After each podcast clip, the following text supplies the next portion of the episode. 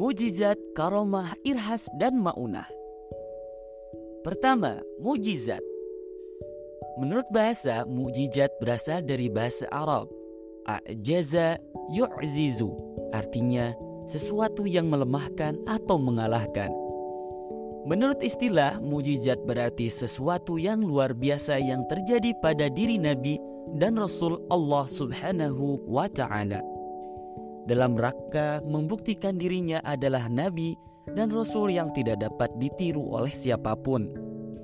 Dari definisi tersebut, kita bisa simpulkan bahwa mujizat adalah sesuatu yang diturunkan hanya kepada Nabi dan Rasul, merupakan kejadian luar biasa di luar kemampuan manusia diturunkan sebagai bukti kekuasaan Allah Subhanahu wa taala, diturunkan sebagai bukti kenabian atas kerasulan bertujuan untuk memperlemah orang kafir atau memecah masalah kaum muslimin. Mujizat dibagi menjadi dua macam yaitu mujizat kauniyah dan mujizat atau mujizat yang tampak dan mujizat akliyah atau mujizat yang dapat dipahami oleh akal pikiran. Mujizat kauniyah disebut juga mujizat yang terbatas. Artinya di luar nalar kemampuan manusia terjadi hanya sekali dan dalam satu tempat saja tidak bisa diulang dan tidak bisa dipelajari. Contohnya mujizat Nabi Isa yang dapat menghidupkan orang mati dengan seizin Allah Subhanahu wa taala. Mujizat akliyah adalah mujizat yang berlaku universal sepanjang masa Ya contohnya Al-Quran yang memiliki keistimewaan yaitu kandungannya yang luar biasa Susunan sastra yang indah dan akan terjaga sepanjang masa Kejadian-kejadian luar biasa selain mujizat Yang pertama, karumah Karumah adalah kejadian luar biasa yang dianugerahkan Allah kepada seseorang yang soleh dan taat kepadanya jika karomah hanya diberikan kepada hamba-hamba pilihan Allah subhanahu wa ta'ala termasuk wali Allah atau kekasih Allah Subhanahu wa taala. Syarat-syarat terjadinya karomah yang pertama, orang yang mendapat karomah bukanlah seorang rasul atau nabi. Yang kedua, tidak memiliki syarat khusus berupa doa, bacaan atau zikir khusus. Yang ketiga terjadi pada seorang hamba yang soleh, baik dia mengetahui terjadinya karomah tersebut ataupun tidak. Yang keempat bertujuan menguatkan keimanan dan keislaman orang yang mendapat karomah. Yang kelima diberikan Allah Subhanahu wa taala kepada hamba-hambanya yang benar-benar beriman serta bertakwa kepadanya. Selanjutnya, irhas. Irhas adalah kejadian atau hal-hal yang istimewa terjadi pada diri calon rasul. Irhas terjadi sebelum seorang rasul dinyatakan kerasulannya oleh Allah Subhanahu wa taala. Yang ketiga adalah maunah. Maunah adalah kemampuan luar biasa yang diberikan oleh Allah kepada seorang mukmin untuk mengatasi sesuatu kesulitan. Maunah terjadi pada orang biasa berkat pertolongan Allah Subhanahu wa taala. Dalil nagli dan contoh kebenaran mujizat, karomah, irhas dan maunah. Banyak sekali peristiwa luar biasa yang terjadi pada Rasul berupa mujizat, juga kepada orang-orang pilihan Allah Subhanahu wa taala berupa karomah, irhas dan maunah. Di antara lain yang pertama adalah mujizat Nabi Ibrahim alaihissalam. Beliau selamat dari api yang menyala-menyala. Firman Allah Subhanahu wa taala, "A'udzu billahi minasy syaithanir rajim." Bismillahirrahmanirrahim. قلنا يا نار كوني بردا وسلاما على إبراهيم Kami berfirman, Hai api, menjadi dinginlah dan menjadi keselamatan bagi Ibrahim. Quran Surat Al-Anbiya ayat 69 Lalu doa Nabi Ibrahim mustajab, yaitu Ibrahim memohon kepada Allah Subhanahu wa taala agar sebagian besar keturunan Ibrahim adalah orang-orang yang soleh. Negeri Mekah dan sekitarnya menjadi kota yang barakah dan tercukupi dari makanan dan buah-buahan. Yang ketiga, mimpi yang benar untuk menyembelih putranya Ismail. Selanjutnya adalah mujizat Nabi Musa alaihissalam. Nabi Musa adalah salah satu nabi yang termasuk ulul azmi dan diberikan suhub dan Taurat. Ia lahir di tengah penderitaan kaumnya Bani Israel dalam perbudakan Raja Fir'aun yang mengangkat dirinya menjadi Tuhan negeri Mesir. Manusia yang mengangkat dirinya sebagai Tuhan. Musa diangkat menjadi rasul setelah menerima wahyu di lembah Sinai selama 40 malam dengan bukti kitab Taurat dan suhub Nabi Musa. Musa selamat dari pembunuhan Fir'aun setelah tongkatnya dengan izin Allah menjadi ular yang besar yang memakan seluruh ular sihir Fir'aun. Firman Allah Subhanahu wa taala dalam surat Al-Zukhruf ayat 46. A'udzu billahi minasy syaithanir rajim. ولقد أرسلنا موسى بآياتنا إلى فرعون وملئه فقال إني رسول رب العالمين Dan sesungguhnya kami telah mengutus Musa dengan membawa mukjizat-mukjizat kami kepada Fir'aun dan pemuka-pemuka kaumnya maka Musa berkata Sesungguhnya Aku adalah utusan dari Tuhan seluruh sekalian alam. Yang kedua, mukjizat Nabi Musa adalah melewati Laut Merah dengan cara memukul tongkatnya sehingga terbentang jalan di tengah-tengah laut tersebut. Firman Allah Subhanahu wa taala dalam surah At-Taha. A'udzu billahi minasy rajim. Qala alqiha ya Musa فألقاها فإذا هي حية تسعى قال خذها ولا تخف سنعيدها سيرتها الأولى صدق الله العظيم Artinya, Allah berfirman, lemparkanlah ia, hai Musa. Lalu dilemparkannya tongkat itu, maka tiba-tiba ia menjadi seekor ular yang merayap dengan cepat. Allah berfirman, peganglah ia dan jangan takut, kami akan mengembalikannya kepada keadaan semula. Tiga Nabi Musa dan bangsa Israel dalam perjalanan pelarian ke Palestina selalu dinaungi awan yang teduh dan diberi rezeki berupa burung salwa dan buah manna.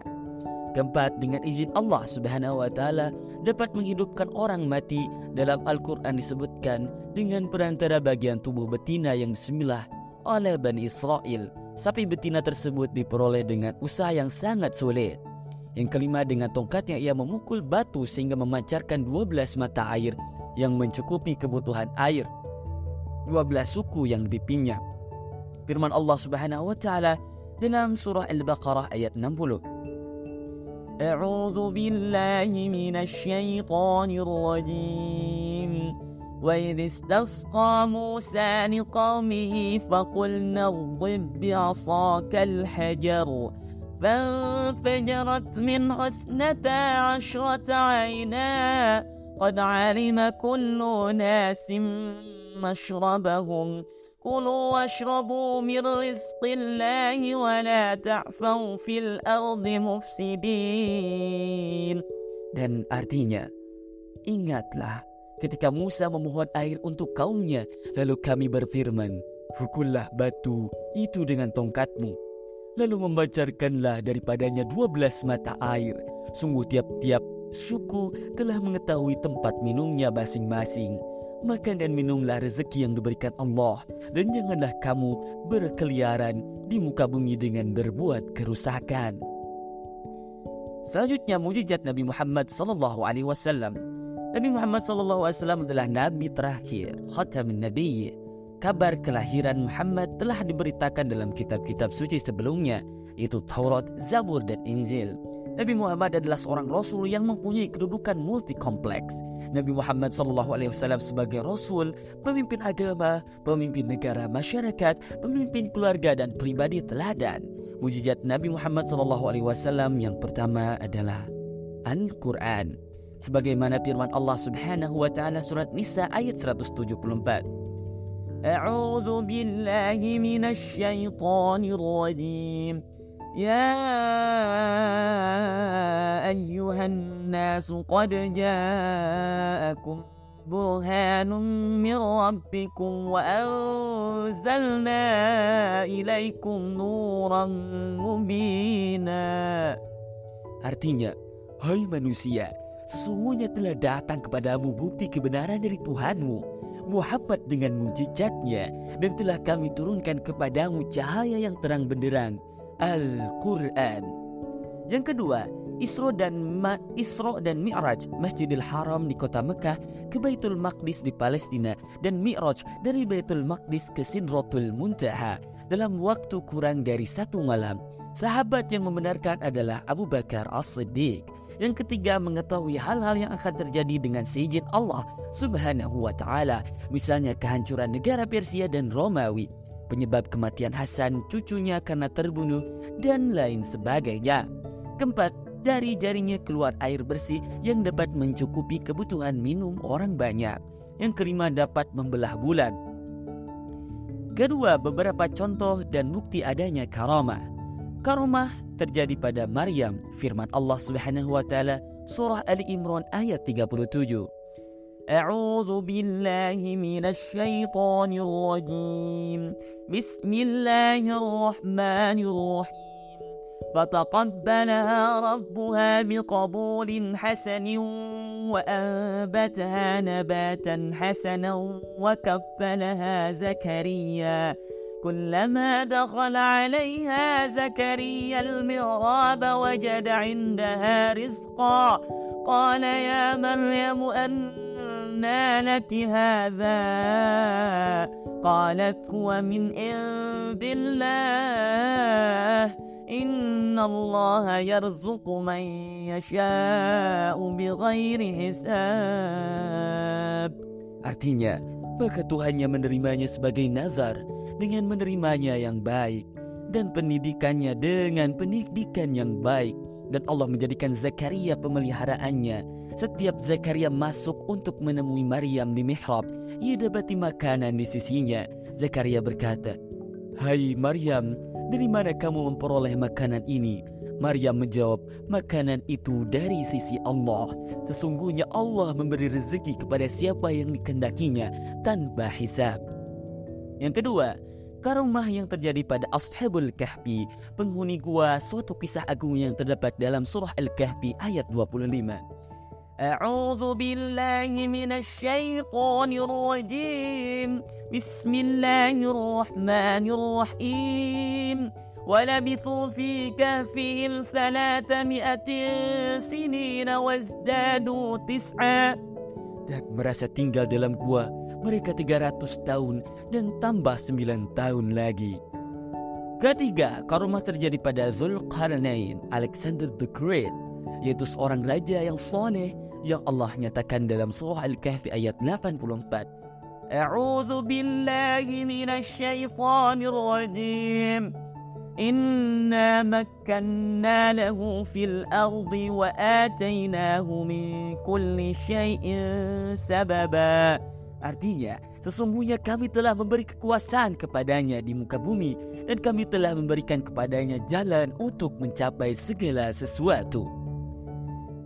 Selanjutnya karomah yang diberikan kepada para wali Allah Subhanahu wa taala sebagaimana firman Allah Subhanahu wa taala Quran surah Yunus ayat 62.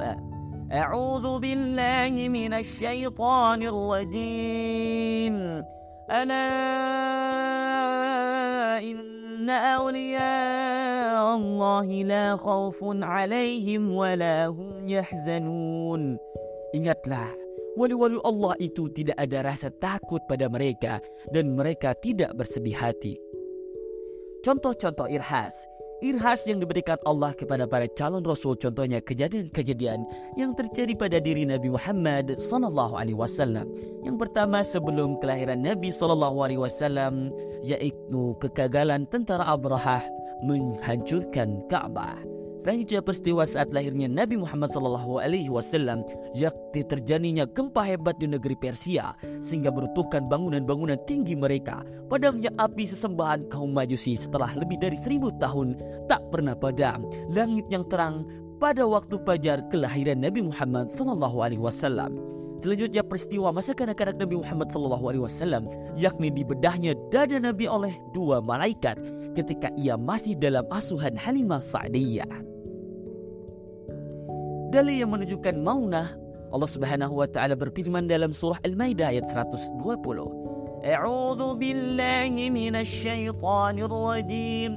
Lillahi mulkus samawati wal ardi wa ma وما wa huwa ala kulli syai'in qadir.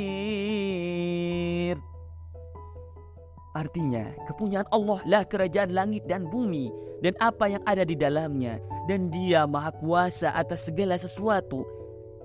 Maunah yang diberikan Allah subhanahu wa ta'ala kepada hambanya. Misalnya seorang nenek yang terkurung dalam rumah yang terbakar. Nenek tersebut dapat membobol tembok yang kokoh dan selamat dari bahaya. Ini disebut maunah karena secara akal sehat tidak mungkin seorang nenek dapat membobol tembok yang kokoh. Hikmah adanya mujizat karomah irhas dan maunah. Yang pertama melemahkan dan mengalahkan alasan usaha dan tipu daya orang-orang yang menentang dakwah Rasul Allah. Yang kedua, bagi yang telah percaya kepada kenabian maka mujizat akan berfungsi untuk memperkuat iman serta menambah kekayaan, keyakinan akan kekuasaan Allah Subhanahu wa taala. Ketiga, membuktikan kebenaran Rasul yang diutus Allah dan ajaran-ajarannya sebagai ajab siksa bagi orang kafir dan pelajaran bagi manusia. Adapun contoh perilaku mencerminkan eh, keyakinan terhadap mujizat dan kejadian luar biasa lainnya antara lain tidak memberi pertolongan meminta pertolongan kepada makhluk halus meskipun kita juga yakin bahwa makhluk halus itu ada sebagai ah, hal goyim. Kedua, meminta pertolongan hanya kepada Allah Subhanahu wa taala saja. Ketika yakin sepenuh hati akan kekuasaan Allah Subhanahu wa taala, keempat berakhlakul karimah sesuai Al-Quran Karim selalu berusaha dan bertakwa kepada Allah Subhanahu wa Ta'ala.